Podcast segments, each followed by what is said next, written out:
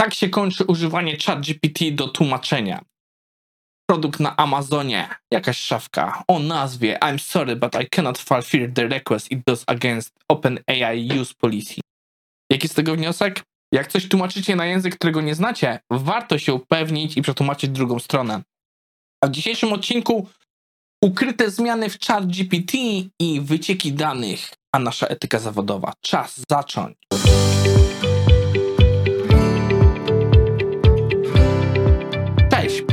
Morning na 17 stycznia 2024. Jest to drugi odcinek w nowej formie, gdzie robimy odcinki raz w tygodniu, trochę bardziej edytowalne. Ten odcinek jest zrobiony znowu z innym eksperymentem. Ostatnio używałem promptera, teraz nie używam promptera, mam tylko listę tematów do gadania, ale dalej staram się nagrywać małe fragmenty, żeby było łatwiej mi edytować. W tym miejscu chciałbym podziękować Mr. Lotnik, który poświęcił swój prywatny czas, żeby ze mną się spotkać, przygadać, jak mogę zmienić setup mojego mikrofonu, bo i także zainspirował mnie, żebym przejrzał się innym ustawieniom. Dzięki temu teraz to nagranie powinno być o wiele głośniejsze niż ostatnie. Mam nadzieję, że tak faktycznie jest.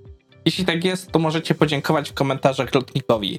No i przechodzimy do naszego pierwszego materiału.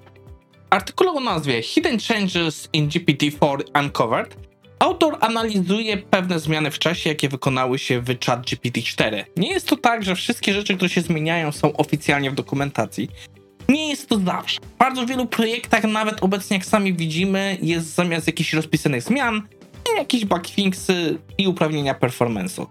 ChatGPT ogólnie ma trochę lepiej te rzeczy rozpisane, jednak od czasu do czasu nie wszystko jest zawarte, albo nie wszystkim chcą się pochwalić. ChatGPT wydał ostatnio nawet własny sklep, gdzie możemy kupić różne pluginy, by rozbudować nasz pad.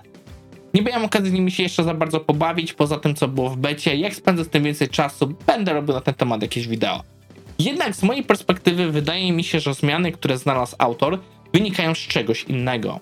Moim zdaniem te zmiany wynikają z tego, że jak to powiedział sam Sam Altman, zeznając przed Izbą Lordów w Wielkiej Brytanii, ChatGPT nie mógłby powstać bez łamania praw autorskich. Jest to bardzo duża dyskusja, gdzie mam wiele swoich przemyśleń, z którymi się podzielę w następnym wideo, ale z mojej perspektywy to ile mają obecnie pozwów i różnych sytuacji próbują się trochę lepiej na to zabezpieczyć. No więc autor śledzi nas przez to, jak przeprowadzał swoje eksperymenty, jak pewnie wykonywał zapytania na starszej wersji czata GPT, co mu one zwróciły i co mu zwraca nowa wersja ChatGPT. Pokazuje, że między innymi z API ChatGPT zniknęła jedna funkcja, mianowicie cytowanie. Teraz już ChatGPT nie będzie za bardzo cytował dokumentów, do których go odeślemy. Jeśli byśmy poprosili czata, by zrobił nam sumowanie, podsumowanie jakiegoś artykułu, to nam napisze to podsumowanie, ale już nie będzie używał cytatów wprost z tego materiału. Wydaje mi się być to jakimś właśnie zabezpieczeniem przeciwko właśnie plagiatowi i innym tego typu sytuacjom. Możecie tego nie pamiętać, ale przez długi czas korzystając z na przykład ChatGPT w Bingu czy różnych pluginów do samego czata, mogliśmy czytać za darmo artykuły, które były za paywallem, bo był w stanie je obejść lub był w stanie skorzystać z zapisanej w swojej bazie wiedzy tych artykułów, które nie wymagały paywalla.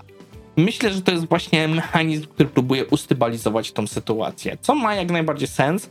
Jeśli to jest narzędzie, z którego będziemy coraz więcej korzystać, musi ono ponieść pewną odpowiedzialność. W tej chwili w teorii piszą, że nie ponoszą odpowiedzialności, sprawdzajmy źródła i tak dalej jednak to, co na przykład odróżnia Midjourney od Stable Diffusion, jest to, że Midjourney zabezpiecza nas przed właśnie tutaj konsekwencjami prawnymi korzystania z Midjourney. W wypadku Stable Diffusion w większości wypadków takich zabezpieczeń nie mamy. I mi się wydaje, że Midjourney, przepraszam, e, OpenAI stara się być właśnie w tym modelu Midjourney. Jak to dalej się potoczy? Jestem bardzo ciekaw, bo dzieje się tutaj dużo pozwów i te zmiany pokazują mi, że coś się próbują na to przygotować, ale to jest takie jakieś moje gdybanie. Zobaczymy, co z tego wyjdzie. Czas na krótkie self-promo. Dzisiaj po pierwsze, widzieliście ankietę o przygotowaniu dalszych materiałów. Planuję w najbliższym czasie zrobić e, dwa materiały, z którymi eksperymentuję. Po pierwsze, zbieram informacje o dyskusji na temat praw autorskich i ogólnych plagiatów IT oraz szerszej perspektywy na to, bo ostatnio dużo się w tym temacie dzieje i myślę, że warto to sobie podsumować, choćby patrząc z perspektywy artykułu o czacie, który mieliśmy przed chwilą. Drugi temat, jaki się będzie dział, póki co wybraliście, że moje podejście do automatyzacji Was najbardziej interesuje. Jest to materiał, który zaczynam powoli przygotowywać. Myślę, że ten materiał będzie w lutym, więc tutaj patrzcie na ten kanał, lajkujcie, subskrybujcie, ustawiajcie sobie te notyfikacje, bo to naprawdę mi pomoże. I jak ten materiał się pojawi, będziemy szli dalej. koniec reklamy. Naszym drugim wideo jest materiał Street Millennial o firmie SolarWind, która doprowadziła do tego, że wiele amerykańskich firm oraz wojsko miały bardzo duży security breach. Nie będę tutaj powtarzał całego tego wideo, bo zachęcam was do obejrzenia. To co ważne, żebyście wiedzieli bez oglądania, firma robiła monitoring do serwisów yy, i tak naprawdę bardzo dużo serwerów było przez nich używanych. Reklamowali się tym, że mają bardzo wysoki standard bezpieczeństwa, używali czegoś, co się nazywa Secure e, Development Lifecycle i to powodowało, że wiele firm właśnie w tym wojsku amerykańskie korzystało z ich usług. Sama firma w sobie miała dużo pozorów. Oni po prostu pokazywali, że są tacy zarąbiści i mają tak bezpieczny proces i jednak w środku standardowa dyskusja biznes versus utrzymywanie powodował, jak w wielu naszych firmach biznes wygrywał. W momencie, gdy mieli do naprawy błędy security albo robienie nowych feature'ów, było robione nowych, nowe feature'y. Zespół security był stosunkowo mały i nie nadążał za naprawianiem błędów. Jak oni sami stwierdzili, zgłaszali więcej błędów niż byli w stanie naprawić. I tak naprawdę większość ich naprawień to były po prostu zwykłe łatki przyklejone na oprogramowanie, które nie wytrzymają dłużej więcej czasu. Kiedy nasz Steam Security tak bardzo działa w trybie pożaru, to wiadomo, że prędzej czy później pojawi się jakiś atak hakerski. Firma SolarWind, z tego co udało mi się znaleźć, miała przynajmniej parę ataków w swojej historii. 2014, 2018 i ten, o którym tutaj mówimy, który dział się z tego co rozumiem od 2019 do 2020, trwał ponad 14 miesięcy. W jego trakcie em, rzekomo rosyjscy szpiedzy z hakerzy z grupy Nobilum dostali dostęp do systemu i byli w stanie wyciągać prawie wszystkie informacje, jakie chcieli od klientów właśnie SolarWind. Jak wpadli? Okazało się, że firma FireA, która współpracuje jeśli chodzi o bezpieczeństwo, dostała nagle prośbę o dodanie drugiego telefonu do autentykatora i coś im się nie spodobało, więc zaczęli robić dodatkowe weryfikacje i nagle się okazało, ej, coś tutaj bardzo mocno nie leży, więc zaczęli głębiej wchodzić w system, patrzeć co się wydarzyło i odkryli, że faktycznie wina jest po stronie SolarWinda. Nie będę wchodził w więcej szczegółów, jak to się wydarzyło, o co chodzi w całej aferze. Po to was odeślę do wideo tutaj właśnie od Wall Street Millennial. Ja bym chciał poruszyć temat trochę bardziej naszej etyki zawodowej. Nazwa artykułu od Wall Street Millennial jest Jak siwa korporacja zagroziła bezpieczeństwu całego kraju. Ja nie jestem przekonany, czy to jest aż tak. W sensie, no, to jest chciwość. Ja bym bardziej powiedział, że to jest niezrozumienie ryzyka umiejętności jego zarządzania. Dlaczego?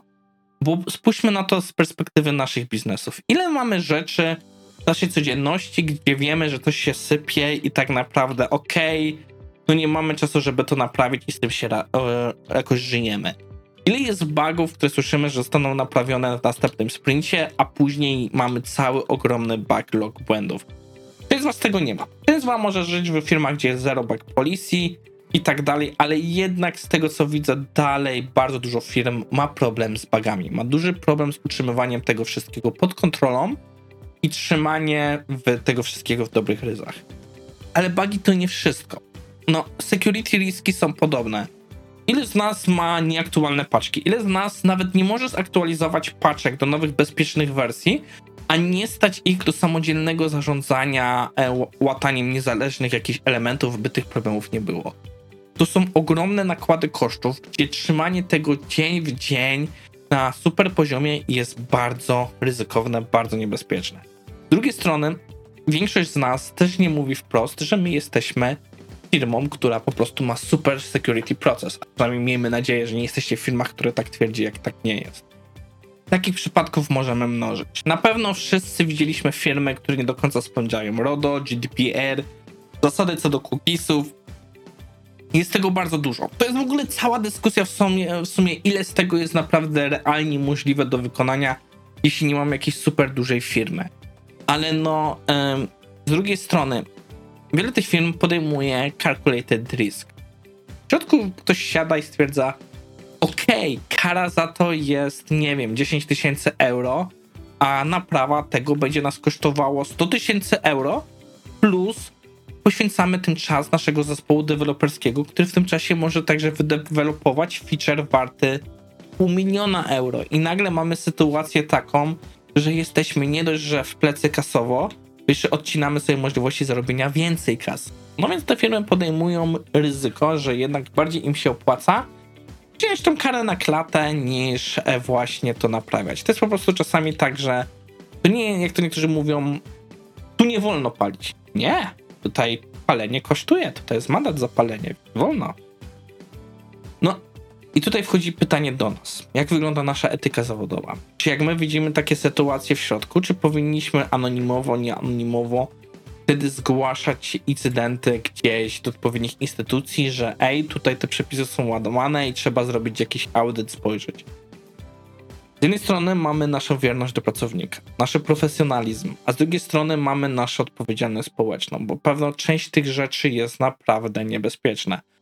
Wiadomo, mamy te sytuacje security, jeśli wiemy o jakichś większych e, zagrożeniach bezpieczeństwa w środku, i nic z tym nie zrobimy, a już gorzej mamy wyciek i nie idzie na zewnątrz informacja, że jakieś osoby są zagrożone wyciekiem, to już jest bardzo poważne łamanie prawa i czasem trzeba o tym pomyśleć, czy nie powinniśmy my o tym powiedzieć. W Ameryce działa określenie whistleblower, czyli osoba, która właśnie wyciąga na publiczkę tego typu informacje. Niektóre firmy mają nawet proces ochrony whistleblowerów.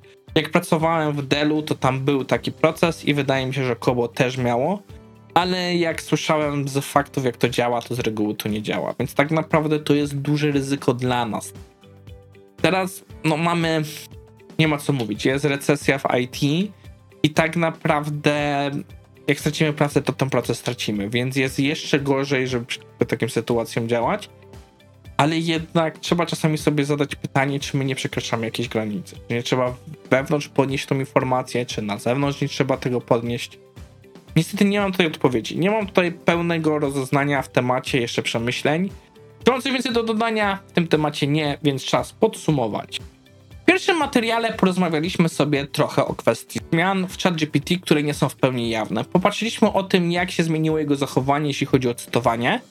I wysnułem teorię, że może to być związane ze wszystkimi dyskusjami o prawach autorskich, jakie toczą się w oku ChatGPT. W drugim temacie porozmawialiśmy sobie o tym, jak SolarWind miał bardzo duży wyciek danych, czy duży security breach, który wpłynął na wiele amerykańskich firm. I ja tutaj postawiłem trochę dyskusję o tym, ile my jako pracownicy, widząc w środku te problemy, powinniśmy mówić na zewnątrz. Nie mam na oba tematy w pełni odpowiedzi.